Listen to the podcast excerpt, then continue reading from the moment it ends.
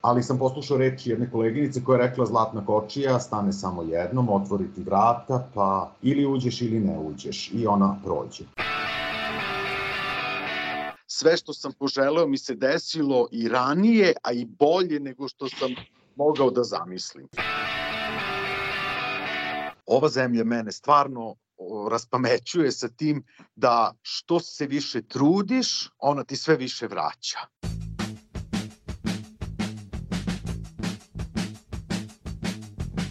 Ovdje svako četiri godine se priča o ratu. Gore tih priča nema, gore se živi.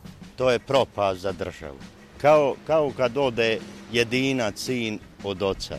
Šteta je, pogotovo ovi naučnici, doktori, budući i tako dalje, sve ide vani. Normalno da recimo Hrvati ideju u Sloveniju, da Slovenci ide u Austriju. Misle da to nije dobro. Ja isto imam djecu. Nemam argumenta da im kažem da, da, da jednostavno žive, jer više i to i domoljublje i sve to fraza. Puno više se radi nego u nas. Nemaš baš nekog vremena za odmor, ali isto tako taj rad dobro plaćen. Znači ne znam nikoga koji je ošao da se vrati, a i da nije zadovoljan. Znači svi ko su, koji su otišli čak rekli da bi se vratili, e, zapravo su na kraju ipak ostali. Kako da žive sa 20.000 u Aranđelovcu? Pa bit ću vam iskreno odlučio sam se, uvijek sam bio neki kao pesimist. Ma diću, ovde sam svoja kuća, svoje, tvoj narod, međutim, e, nema iz tog naroda ništa.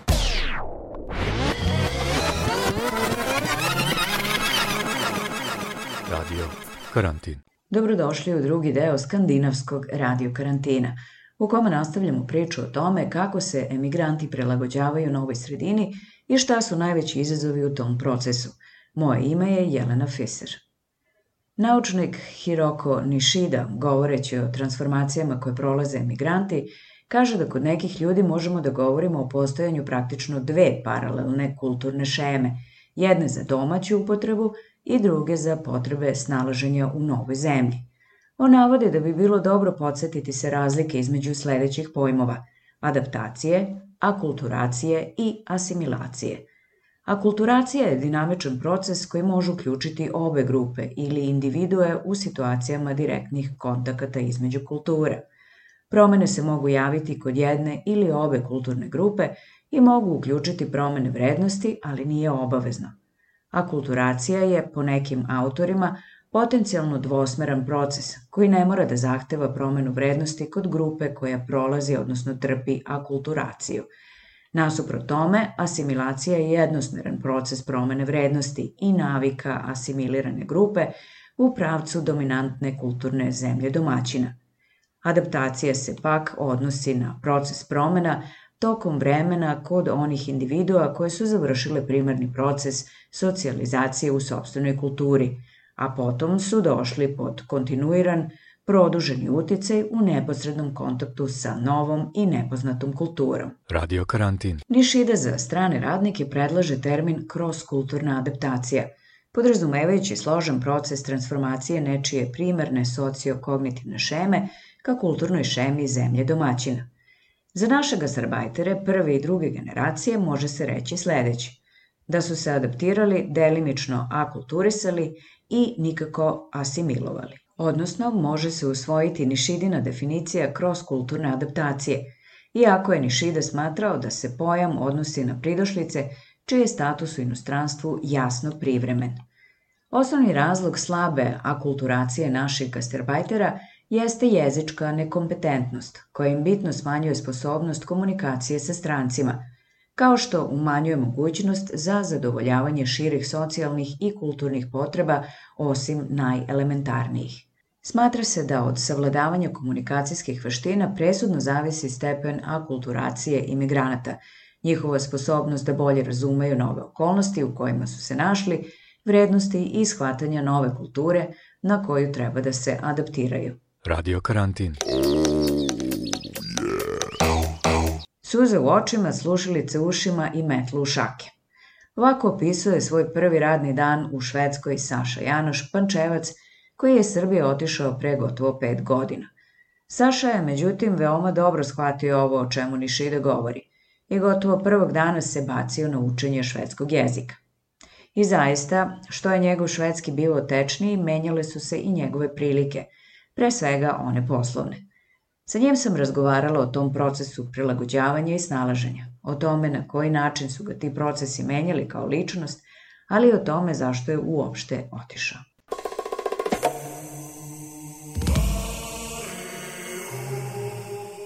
Ne sećam se više da li smo bili na radiju ili na nekoj od onih kućnih bleja, ima tome par decenija, ali tvoja izjava ja nikad nisam želeo da budem neko drugi je za uvek ostala sa mnom kao lepa motivacijona mantrica. S obzirom da smo živjeli u groznim i nebezbednim okolnostima, da ne ulazim sad u pregled svih nivoa raspada okruženja, koje se kao zvalo domovina, ova tvoja izrečena istina mi je u toliko više bila i jeste veoma važna. I nikad te ništa nisam u vezi s njom pitala jer sam ti bespogovorno verovala i verujem ti i sad.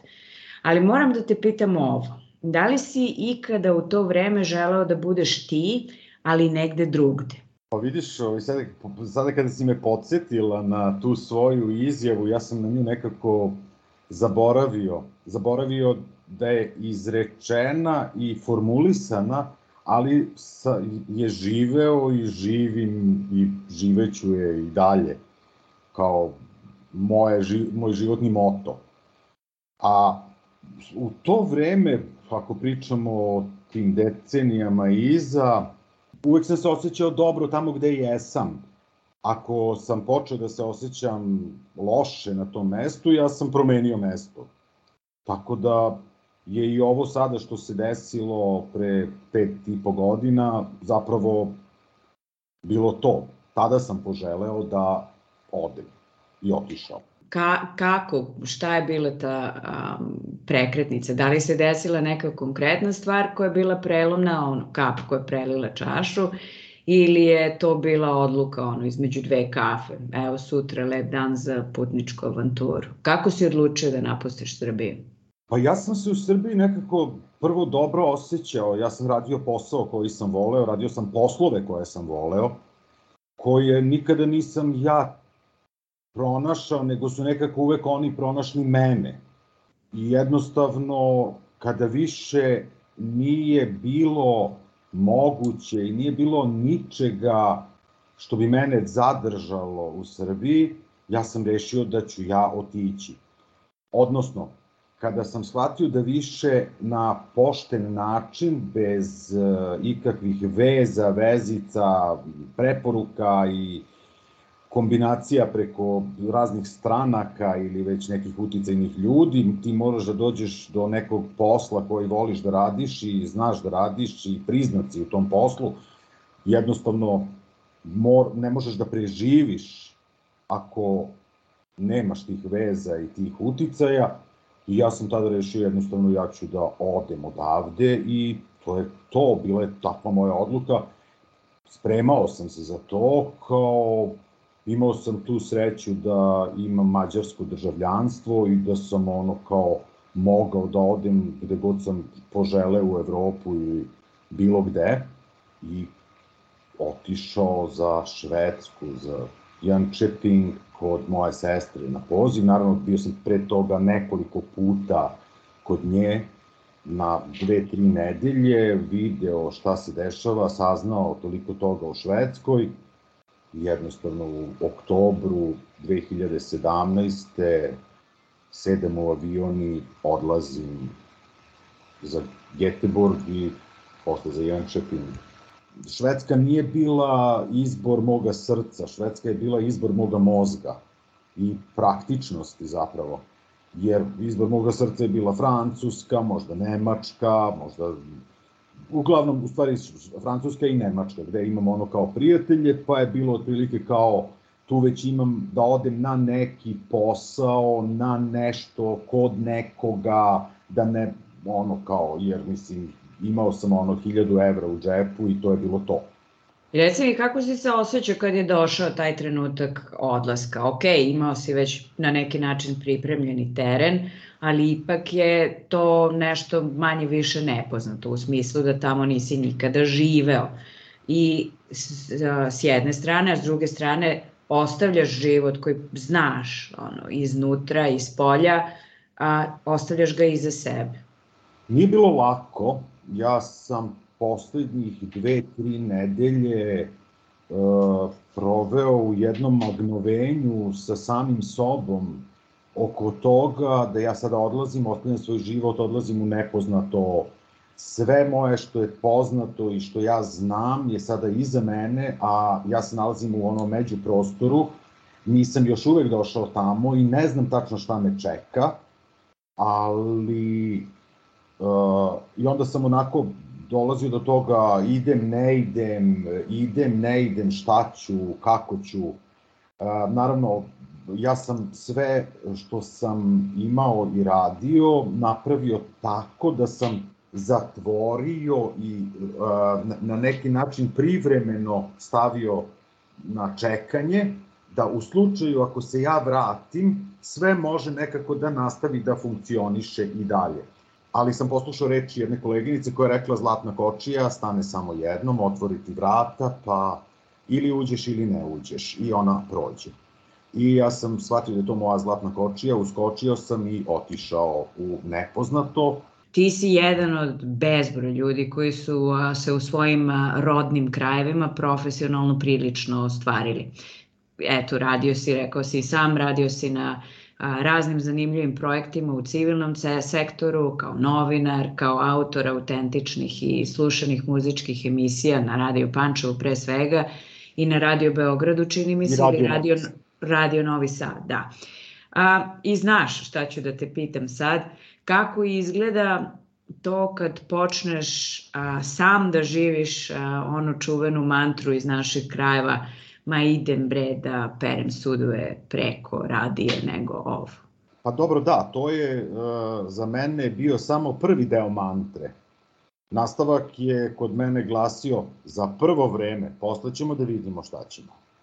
Uh, ja sam shvatio, kao što sam i u svakom poslu koji sam radio, uvek išao svaku stepenicu. Ja ni jednu stepenicu nikada nisam preskočio.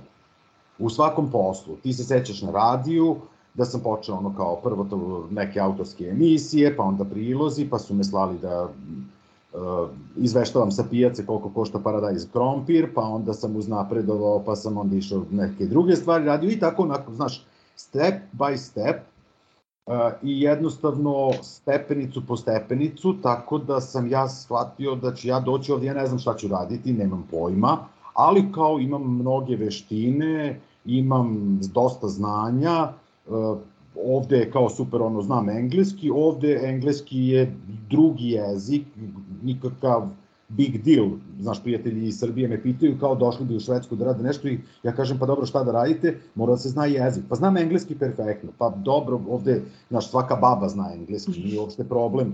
Znaš, baba kada sam ja bio, do, ono, tek učio, počeo da učim švedski, kao nešto natucam, ono, na ulici da pitam nekoga i pitam stariju ženu koja će da mi sad ono ima vremena i da mi objasni, možda se popriča malo sa mnom I ja pitam i, znaš, sad zastanem, ono kao, znaš, kako bi rekao to na švedskom i baba krene na engleskom, kao bez problema. Ja kažem, engleski nije big deal ovde uopšte. Znaš, kao, treba da se zna jezik da bi se uspelo, a ja sam shvatio da ono, ok, učio sam i engleski, i francuski, i nemački, i grčki, i slovački, i mađarski, i gomilu jezika, tako da tehniku učenja jezika znam, osnove tih jezika znam, a švedski je ispao ono kao jezik koji je na neki način iskva, malo iskvarenog francuskog, malo iskvarenog engleskog, malo iskvarenog francuskog i nešto autentičnog nordijskog. Tako da, otprilike, ono, lako mi je palo učenje jezika, jedino što mi je teško bilo što sam morao da radim uz sve to, ono, idem na posao, pa uveče idem u školu, pa sedim, pa pišem zadatke i sve ostalo, ali to je, to je sve prosto nešto što sam ja od uvek znao od početka da idem da perem sudove, samo što se ovde nisu desili sudovi, ovde su se desili sudovi malo kasnije. Prvo što da ti se desi kada dođeš u Švedsku, to je da dobiješ metlu. Ili onaj džoger i onda te ovaj, nauče kako se to radi, odmah dobiješ i kurs, oni za sve imaju kurs, imaju za sve obrazovanje, za sve pokažu, kako se radi, za sve dobiješ neki papir, diplomu, da se osjećaš ovaj, kao mnogo značajno, jer si sad završio osnovni kurs čišćenja, pa si onda završio, ne znam, kurs specijalnog čišćenja kancelarija, pa specijalnog čišćenja ovoga ili onoga.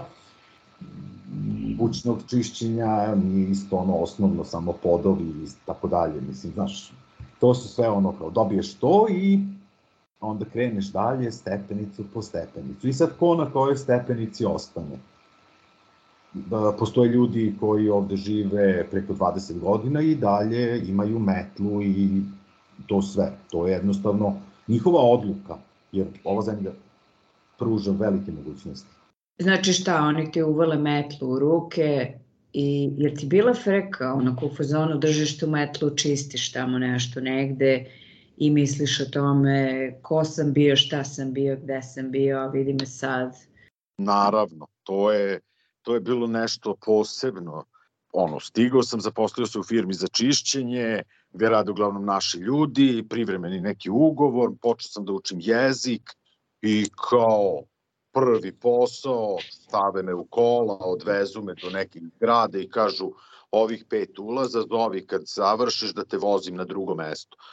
I ja, što to, ono, ok, gore, dole, zgrada, čisti, na svu sreću, ono, šveđani čisti, pa kao, nije zgrada sad neki haos, da sad ne znam šta s njima da se čisti, čistio, super, idemo, ono, razumeš, u ušima slušalice i muzika, u očima suze, ono, kao, ja, znaš, kao ja, šta sam ja bio, ko sam ja bio, stigo sam, uvalili mi metlu, a ja, ono, kao, znaš, imam toliko toga, mogu toliko toga, međutim, kad je stigla prva plata, ja u nesvest, ono, kao, pa ja ovoliko zaradim u Srbiji za šest meseci, otprilike, ono, sa tri posla da jedva preživim. I posle toga, naravno, kao sve, ono, pitali me, znaš da čitiš, kao, znaš ti nešto oko kompjutera? Reku, znam. Pa dobro, kao, ajde treba da se čiste neke kancelarije. Bilo leto, svi na odmorima, ono, dvoje, troje ljudi, na svu sreću, i ja kao tu čistim, ono, oko, čistim oko kompjutera, to je toliko kao da li se razumemo kompjutere. I kaže, ovaj, posle toga, kad se taj ugovor završio, u tom trenutku ja završavam i prvi taj švedski za strance.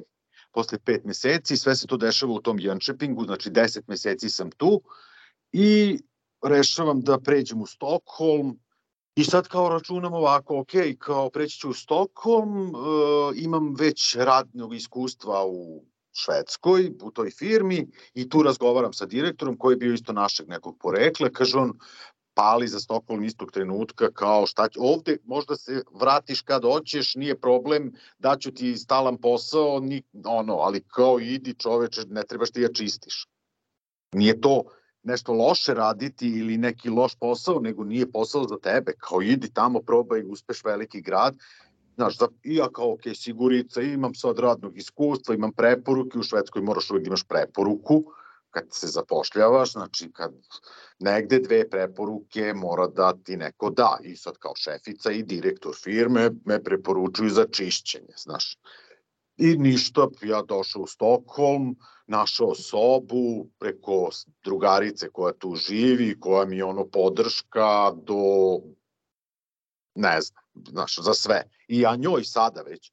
Ali u ono vreme ona meni kao, svi su se snašli, snaći ćeš se, ajde, preživećeš. I tu sam stigao ono sa nekih s nekim parama da imam ono da platim sobu i da tražim posao i da nekako na ivici egzistencije se održim recimo šest meseci. Znači dobar period. Stigao našu sobu, odme me zvali neka firma za čišćenje, kad im treba zovu me, super, znaš i da voziš, može, ajmo. I naletim na posao za pranje sudova, Znači, kod mene pranje sudova nije došlo odmah, ja sam morao i onu donju stepenicu da pređem prvo, pa onda idemo na pranje sudova, pa s pranjem sudova ja nastavljam školu ovde, završavam osnovnu školu, završavam srednju, gimnaziju, ono švedskog jezika, znači ono čitam knjige, pišem eseje, pišem različite vrste tekstova, pišem, čitam poeziju, polažem... Tri... Čekaj sad, izvini, molim te što te prekidam kad to spomenu već. Šta se čita u srednjoj školi u Švedskoj? Oni imaju, tu nastavnici, sami određuju hrn literatur, to se zove kao lepa literatura ili kako bi se to, ne znam, kod nas sad reklo kao nešto, neka knjiže, lepa književnost koja je, koja je zapravo ili trenutno aktuelna ili napisana nekim lepim jezikom ili već nešto. Ima onaj film uh, Sudija, na primer. Uh, ona, na primer, to smo čitali, pa čitali smo tako neke knjige različite. Domaće pisce. Ne domaće pisce, na švedskom različite, ne, ne, ne, uopšte nisu bili švedski pisci. Od švedskih pisaca smo, to je bilo posebno. Ovo je lektira. Znači, za svaki kurs, svaki kurs traje 10 nedelja, za tih 10 nedelja se pročita jedna knjiga, niko tebe ne pita ništa u vezi te knjige, nego na kraju kursa sedite vas šestoro u grupi i diskutujete o toj knjizi. Nastavnik sedi sa strane i sluša i vi pričate o toj knjizi, šta se kome dopalo, šta nije i tako dalje. Posebno je švedska literatura. Švedska literatura je ono kao poseban deo, to su novele, to su um, istorijski članci, to je sve na, na tom nivou da ja kada završim, ja imam sred, nivo znanja jednog srednjoškolca, znači ne znam, nije da ja sad znam da pričam švedski ono po ulici kao da se snađem u prodavnici da kupim hleb i mleko ili to, Ne, ja izvodim konverzaciju na švedskom i pričam na švedskom potpuno bez ikakvog razmišljanja više. Dobro, ali znači nisi imao njegoša. Nisam imao njegoša, svakako ne, ali imali smo na tom početku Pipi Dugu Čarapu, Emila iz Loneberija i tako neku švedsku literaturu koja je Znaš, bilo je tu i nekih e, starih e, pesama i nečega, ali to nastavnik samo da bere, valjda shodno grupi, znaš, i sve nekako, ja sam položio tri nacionalne ispita iz švedskog, znaš, koji se svaki sastoji iz četiri dela, i prezentacije, i slušanja, i čitanja, i gramatike, i razumevanja, i, i znaš, to su ti stepenici. Kao, paralelno sa tim stepenicima u jeziku, ja sam našao posao da me jedna neka firma iznajmljuje po potrebi u osnovnim školama gde u kuhinjama da perem sudove. I ok, meni je to bilo super, kao imam kuvarsku školu i kao idem da perem sudove. I ja stižem da perem sudove, tako dva dana ovamo, nedelju dana u drugoj školi, pošto svaka škola ima, deca imaju obavezan ručak i užinu, ponegde i doručak. I mene tako šalju, ja se ujutro probudim, mene zovu u šest ujutru i kažu, ili u pola sedam, kažu tamo i ta škola, ja na prevoz, stignem, dobar dan, ja sam zamena za danas, izvolite ovaj, da radite. Uzmem, perem sudove i u jednoj od tih škola jedna žena kao, šta ti kao pereš sudove ovde dva dana kao, a, na, blokirali su me na tri nedelje. Kao što ti pereš sudove ovde, kao, ajde kao ima ovaj, drugi koji će peru sud, aj dođe vamo, treba pomoć za salate. Ok, ja radio za salate, sve super, pa kao onda polako, ono, našao drugi posao, pa me zaposlili u nekoj školi, to salate i pomoć kao jednostavnija jela.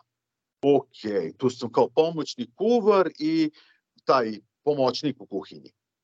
Pa sam onda posle našao polako posao kuvara, pa prvog kuvara, Pa sad sam šef kuhinje u jednoj od najvećih stokholmskih osnovnih škola. Dnevno nahranim 1200 dece. Nije, ovaj, nije malo. Nije ni mala odgovornost, znaš, nahraniti ih, jer sve to, naravno, ja sam sad tu kao se sve vreme obrazovao i e, učio jezik i išao na sve ono, svaku stepenicu. Znači bio sam sve u kuhinji, onako po redu kako treba i iznena da se i desio taj šef kuhinje. Ja sam planirao da se to desi za jednu godinu dana, na primer, kao da se ja tu iskalim još malo kao prvi kuvar, pa onda preuzimam i taj administrativni deo. Međutim, eto, igrom slučaja, žena e, koja me je zaposlila posle tri nedelje mi saopštava da je ponovo trudna i da odlazi na porodiljsko i da ću ja biti šef kuhinje u narednih dve godine. I kao, no, dobro, našao sam se onako e, zatečeno, ali s druge strane nagrađeno i to je ono što mene u ovoj zemlji oduševljava, a to je da sve što sam poželeo mi se desilo i ranije, a i bolje nego što sam mogao da zamislim. U tom procesu dolaska, um, prijavljivanja, snalaženja, nalaženja posla, stana, svih tih uh, stepenica koje si prošao, Šta ti je bilo najteže u tom procesu? Čekanje mi je uvek teško padalo. Ja sam u životu mogao sve da naučim. Ako treba da treba, sad treba da učim kineski, ja ću da učim kineski. Ako treba da učim arapski, ja ću da učim, učim arapski. Ako treba da učim nuklearnu fiziku, učit ću nuklearnu fiziku. Ali da se naučim strpljenju, to nikada nisam znao. Znači, to je za mene ono. Jer radio sam na radiju, poznavao sam gomilu ljudi sa svih strana iz raznoraznih institucija. A sa druge strane, bio sam sin matičarke koja je venčala pola Pančeva i koja je isto znala, svi su nju znali. Samim tim i ona sve. Tako da šta god je trebalo da ja uradim, ja sam uvek išao tim putem. Znam nekoga ovam onom kako, kako ide u Srbiji. U Švedskoj to ne postoji. Svuda se javljaju neki automati telefonski, usmeravaju te da izabereš između 17 opcija, pa kad izabereš jednu od tih 17, onda te pita da li želiš još da biraš između ovih 8 opcija, pa te svede na tri opcije još posle i na kraju ti kažu dobro, to je to. Sad se tu isprijavljivao, ostavio svoje podatke, ispričao šta ima i sad će to da stigne kod nekoga. Niti ti znaš kod koga stiže, niti taj zna od koga mu stiže. Stiže redom, kako kom svi službenik reši neki predmet, stigne sledeći koji je na redu. I, I sve tako funkcioniše. I za mene je to bilo, pa kako, razumeš, pa daj da nađemo nekoga, pa znamo nekog ko radi tamo. E, to je ono što sam donao u Međutim, to sam se navikao jer ja zapravo to nisam voleo to meni nije bilo svojstveno. Ja sam želeo da stvari budu uređene, da ide normalnim tokom, a ne da juriš stalno nekoga da ti nešto sredi. Taj proces čekanja tog njihovog, e, kako se zove, matičnog broja, to je bio to je bilo ono čekanje meseci po dana, ni zbog čega. Znaš, a on je stigao, ali ona meni zakazala da će da mi uruči papir za tri nedelje, jer ona do tad nema slobodno. Kod da nije mogla mailom da mi pošalje ili da me nazove telefonom i kaže stigo ti je, ne treba meni taj papir, taj broj, ja sam uveden u evidenciju. I to mi je bilo najteže. Posle toga sve ostalo, ne, ne, sve ostalo. Za sve znaš put, šta, hoću da uradim to i to, ukucaš na internetu na švedskom ili na engleskom, hoću da uradim to i to i izađe ti sve tačno koraci, šta trebaš, kako trebaš. Nema lutanja. Za sve su napravili sistem i za sve ide kako ide. I znaš da moraš da čekaš. E, na tome što nisam mogao, naučio sam se ovde čekanju. I koliko je trajalo to dok si, um, dok nisi rekao, e, sad stojim na svojim nogama? Pa ja, mm, mm, mm stojim na svojim nogama za mene nije isto kao recimo stojim čvrsto na svojim nogama. Stojim na svojim nogama, ja sam mogao da kažem već negde 2020. u septembru. živeo sam, odnosno živim evo još neko vreme, sa, u, jednu, u iznajmlje, ono, iznajmljujem sobu kod uh, jednog momka sa Kube i on i ja funkcionišemo savršeno, mali je stan, svako ima svoju spavaću sobu, ali koristimo od, zajedno ceo stan i osjećam se tu kao kod kuće.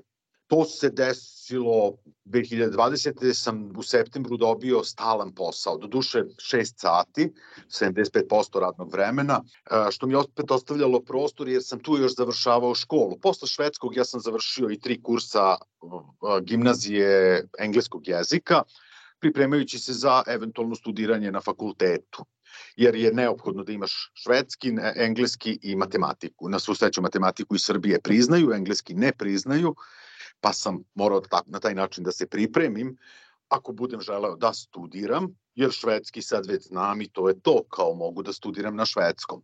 Engleski je kao pomoćni jezik zbog literature. I ja sam tada već 2020. mogao da kažem, ok, stojim na svojim nogama, imam stalan posao, imam stalan prihod, od koga plaćam sebi stan, od koga sebi plaćam javni prevoz, od koga sebi plaćam telefon, u kući imam internet koji je uračunat u cenu stana I kao to je to, ono što mi treba. Imam za garderobu, imam za hranu, radim kao kuvar, kao, znači jedem na poslu, i tu mi je smanjen trošak za hranu i kao potpuno, eto, stojim na svojim nogama. Paralelno štedim sve vreme, jer ipak sam ja došao iz Srbije, znaš, sve je u redu. Para, plata stiže svakog meseca 26. nije to problem. A šta ako ne stigne? A šta ako ne stigne? Jer dešavalo se veći deo mog života da ne stigne. Dešavalo se veći deo našeg života ono, tipa plata je mala, ali bar neredovna. To nam je bila mantra na radiju. Prvo to. I ja ovde, ja 2019. sam našao posao na godinu dana, od avgusta do septembra sledeće godine, do 2020. I potpisao sam ugovor, dve, na primjer, u junu, a počinjao sam 15. avgusta. Znači dva meseca. Znači, još uvek radim kao iznajmljeni kuvar po raznoraznim školama i zabavištima i radim do poslednjeg dana. I pita me prijateljica, zašto radiš? Mislim, pa potpisao si ugovor na prigodišnji odmor. Kako, potpisao sam ugovor. Nisam, ne dajem ovde otkaz dok tamo ne počnem da radim. Jer da se prijavim, a kao potpisao sam ugovor, rekao, pa dobro, potpisao sam ugovor, jaka stvar. ugovor sa Stokholmskom opštinom, Ja kažem, ma da bre, ali znaš što ugovor. Za znaš ti ko radi po opštini. Pa to, može da, to može da bude kad se pojavim da me pitaju ko si bre ti, kakav ugovor bre, ajde, idi kući. Ja, ono kao, potpisao sam Međutim, stiže mail, do, dođite tad i tada, pošaljite vašu uh, koju uniformu nosite, koji model hoćete na ovom sajtu, pogledajte, izaberite i pošaljite šta želite od uniforme i koliko komada od čega, da mi vama to sve pripremimo kada dođete prvi dan, da sve vas to sačeka. I kao, ok, super, I ja ovde se odjavljujem i kao počinjem da radim. Setili me se kao važi ugovor, vidi ovo. I, kažem ti, počinjem da štedim i štedim. I to je jako zanimljivo, jer ja sam planirao ovde jako teško doći do stana. Postoje ti takozvani, ajde kažemo, društveni stanovi, stanovi koji se iznajmljuju. I tu se stane u red, naravno, i čeka se. I što više, na primjer, za Stokholm, za neki pristojan stan, treba da se čeka barem jedno 8-9 godina, 10 godina, ako hoćeš u nekom onako možda finijem kraju kao, ok, stojim u tom redu, tu sam, međutim, evo, prošlog meseca se desilo iznenada da se neki stan prodavao i da sam ja slučajno tu bio sa ovom mojom prijateljicom i ja sam kupio stan za manje od 24 sata, dogovorio se, tačno sam imao toliko para ušteđeno koliko moram da učestvujem i koliko banka mi daje kredit da toliko košta taj stan I evo, sad sam kupio stan i trenutno sam u procesu selitbe, on, 17. marta se useljavam, kao dobijam ključeve. Jednostavno, e, sada znači mogu da kažem da čvrsto stojim na svojim nogama. Imam posao za stalno, imam, uh, kako se zove, um, platu redovnu i imam kredit za stan i imam svoj stan. Znači, ostvarilo mi se, a i stan sam isto planirao za jednu godinu dana, kao da uštedim još, da više imam učešće, da mogu veći kredit da dobijem. Međutim, ova zemlja mene stvarno raspamećuje sa tim da što se više trudiš, ona ti sve više vraća. I to je potpuno nešto fascinantno za mene. Mogu da kažem slobodno da sam u Švedskoj za pet godina dobio mnogo više nego od Srbije za 44 godine koliko sam tamo živeo. A šta je ono zašto sad kažeš, e, bez ovoga više ne bih mogao da živim? I u materijalnom, ali pre svega u nematerijalnom smislu. U materijalnom smislu ja nisam se mnogo promenio, ja sam štedljiv, ja, znaš, kažu sirotinja je u glavi. Znaš, kad dođeš iz sirotinje, iz preživljavanja, ti ovde shvatiš što, ja, shvatim ja da mogu da kupim, shvatim ja sve to. Ali znaš, kad se odričeš godinama, ne treba mi, pa šta, nije ne treba mi ovo, pa ne treba mi ni ovo, a nije bitno sad da kupim i ovo, šta će mi sad ovo? Ti se navikneš da živiš bez gomile stvari i onda sad kad imam da ih kupim, sad shvatam da mi zapravo ni ne trebaju. I ono bez čega ja sada ne bi mogao, to je bez uređenog sistema. E, to je ono bez čega ne bi mogao.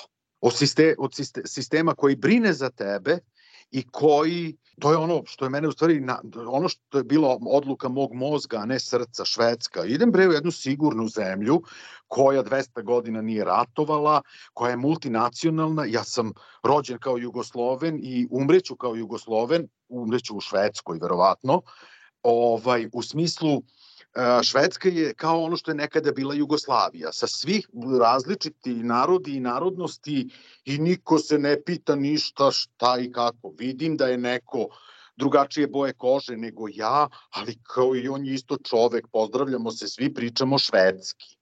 Kao razumeš, pričamo, to je esperanto nama ovde, zapravo.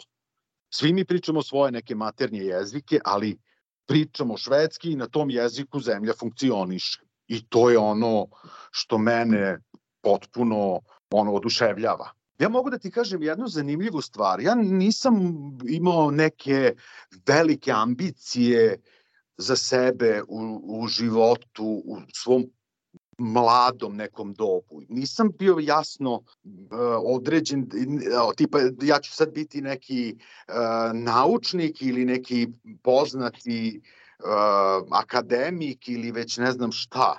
Ne. Ja sam želeo da ono imam svoju kolekciju gramofonskih ploča i da se bavim kuvarstvom. Naravno na nekom visokom nivou. I to sam se ono spremao, išao u školu, išao na višu školu, učio to sve, imao neke ploče, gramofone, onako kako je to moglo u Srbiji da se desi. I onda me život odneo na neku drugu stranu, na, na radio, doma omladine prvo, pa radio, pa turistički vodič, pa nevladine organizacije, sve to zajedno nekako je išlo paralelno. I u jednom trenutku ja ovde shvatam, kupujem gramofon za 30 evra, gramofon zvučnike i kao pojačalo i CD i sve živo u second handu, i ploče koštaju 1 evro u second handu, ono šta god hoćeš, kako god hoćeš. Počeli su da umiru stari ljudi, ko, stariji koji su sakupljali ploče, ovde mladi sve pokupe i stave u second hand poklone, second handovi su humanitarni i to fino funkcioniše. I ja počnem da skupljam ploče i kao ovo ono, i u jednom trenutku postanem svestan da se u stvari moj životni san koji je prekinut pre 20 godina, sada ovde nastavlja zapravo na onaj način kako sam ja želeo da živim, da budem ja, ono s početka što imamo. I kao ja u jednom tutku shvatam, pa kao da, jeste umeđu vremenu, ja sam se bavio nekim stvarima kojima sam želeo da se bavim i koje su mi se sviđale i kojima sam uživao. Rad na radiju, turistički vodič, nevladine organizacije, civilni sektor, sve to što sam ja radio, ja sam u svemu tome uživao i voleo to. Naravno. Ali ovo je nekako došlo kao, eto kao, znaš, samo da imam 20 godina manje, e onda bi to bilo možda još, mada nema nikad nije kasno. A šta si novo naučio o sebi umeđu vremenu? Ili postoji Saša do odlaska iz Srbije i Saša nakon koliko, evo skoro pet godina u Švedskoj? Pa naravno da postoji. Naravno, to, je, to su potpuno, potpuno neke drugačije, druga, dve različite, u suštini iste osobe. Nisam se ja suštinski promenio, ali mnogi pogledi na svet, mnogo toga, mnogo vidika mi se novih otvorilo. Sve ono što nije moglo da mi se otvori u Srbiji e, kao vidik, ovde mi se otvorilo. Ja sam toga bio svestan i tamo da želim to neko ravnopravnost, jednakost, neki pravi socijalizam, razumeš? Ja sam u tome rođen i tako odgajan. Za mene to je jednostavno nešto normalno i ja sam sad nekako, što bi rekla jedna moja prije nastavnica u srednjoj školi, tebe da bace u pustinju, ti bi se u pesak pretvorio. Tako da ja sam jako, ja se jako lako adaptiram. Ne patim za prošlošću, ne mislim o tome.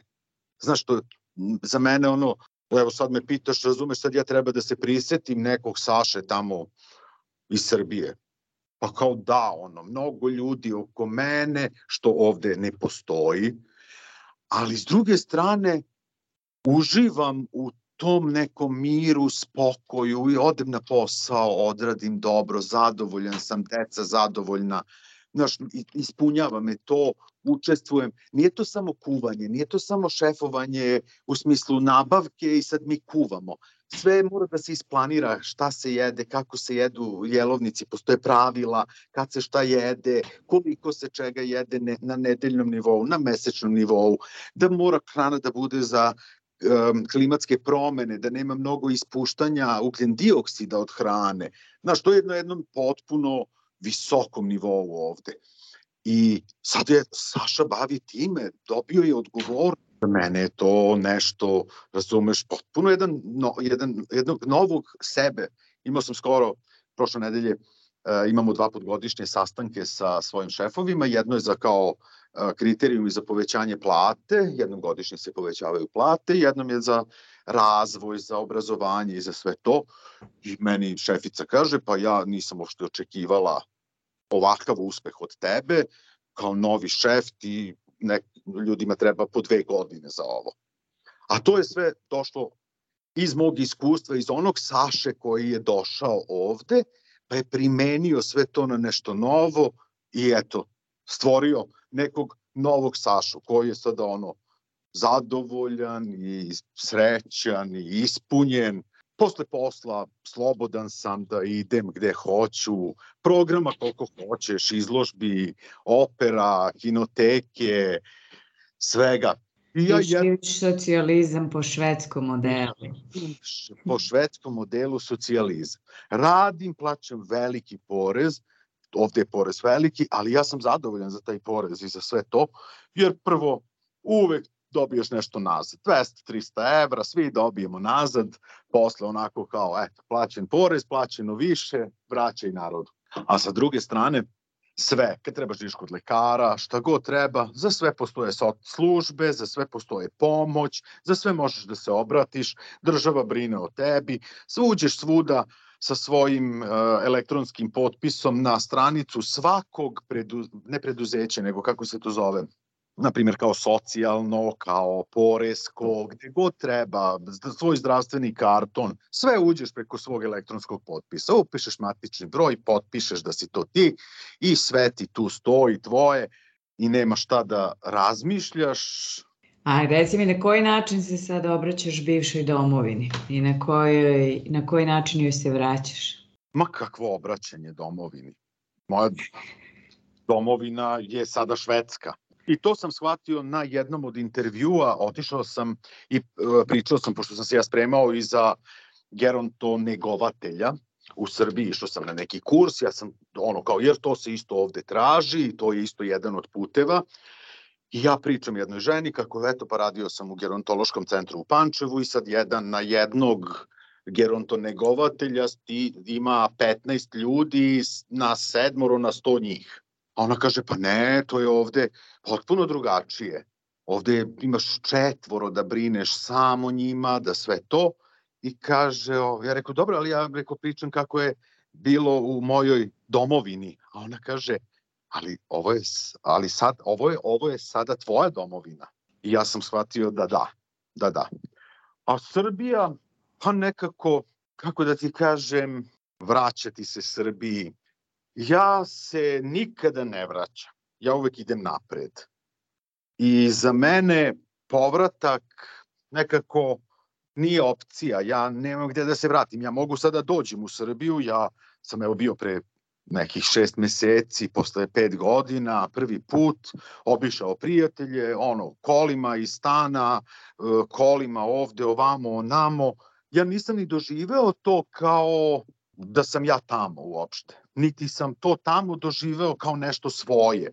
Ja samo znam raspored ulica, ja samo znam gde se šta nalazi, ali nekako ne pripada više meni. Ja ne pripadam više tome, niti to pripada više meni. A je li ima, imaš tu neku osobinu? Koja je ta osobina razmišljanja ili običaj, navika? za, moju, za koju možeš da kažeš evo ovo je Balkan, Srbija, Vojvodina, to sam samo tamo mogu da pokupim i to me čini drugačijim u odnosu na sve te različite nacije u tvom okruženju. Postoji tako nešto? Postoji, to je naš način komunikacije. Za šveđanje je kada mi pričamo, evo na primjer ti i ja sada pričamo, za šveđane bi to bilo zašto se svađate. I onda da objasniš da se ti ne svađaš, nego da ti jednostavno tako pričaš i da tebe ako ponese emocija, ti ćeš malo da podigneš glas, ti ćeš malo žustrije da pričaš, a za njih je to odmah da si se nešto naljutio, šta se dešava, zašto, u čemu je problem, jer sve je ravno. Kod njih je nekako sve ravno. I meni je to isto bilo potrebno vreme da prihvatim.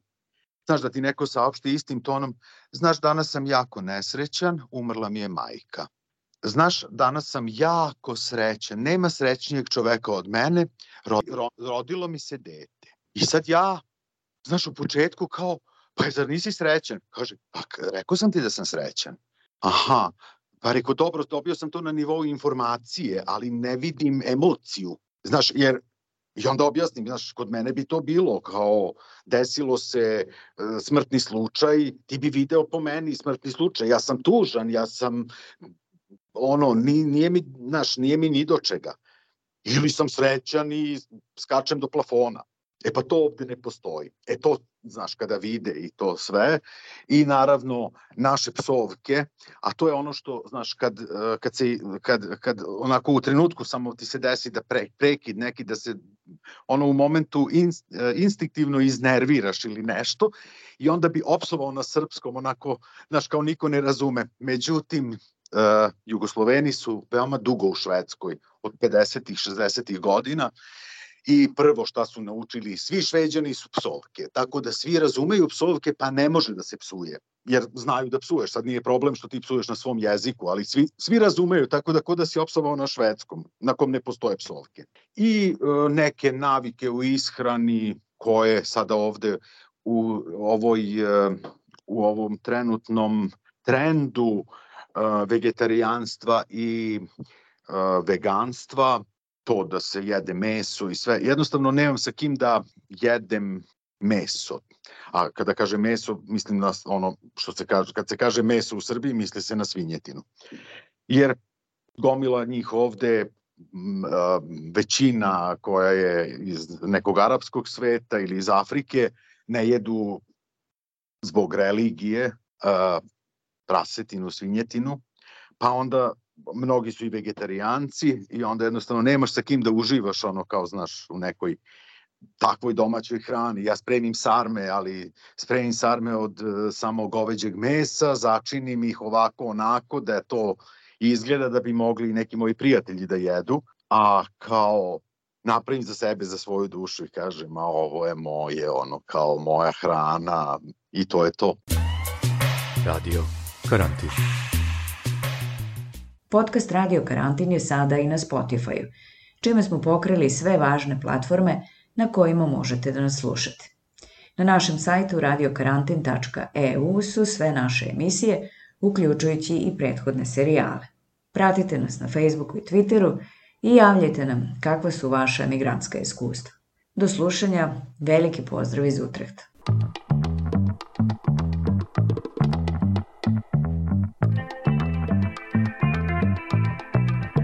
Radio Karantin.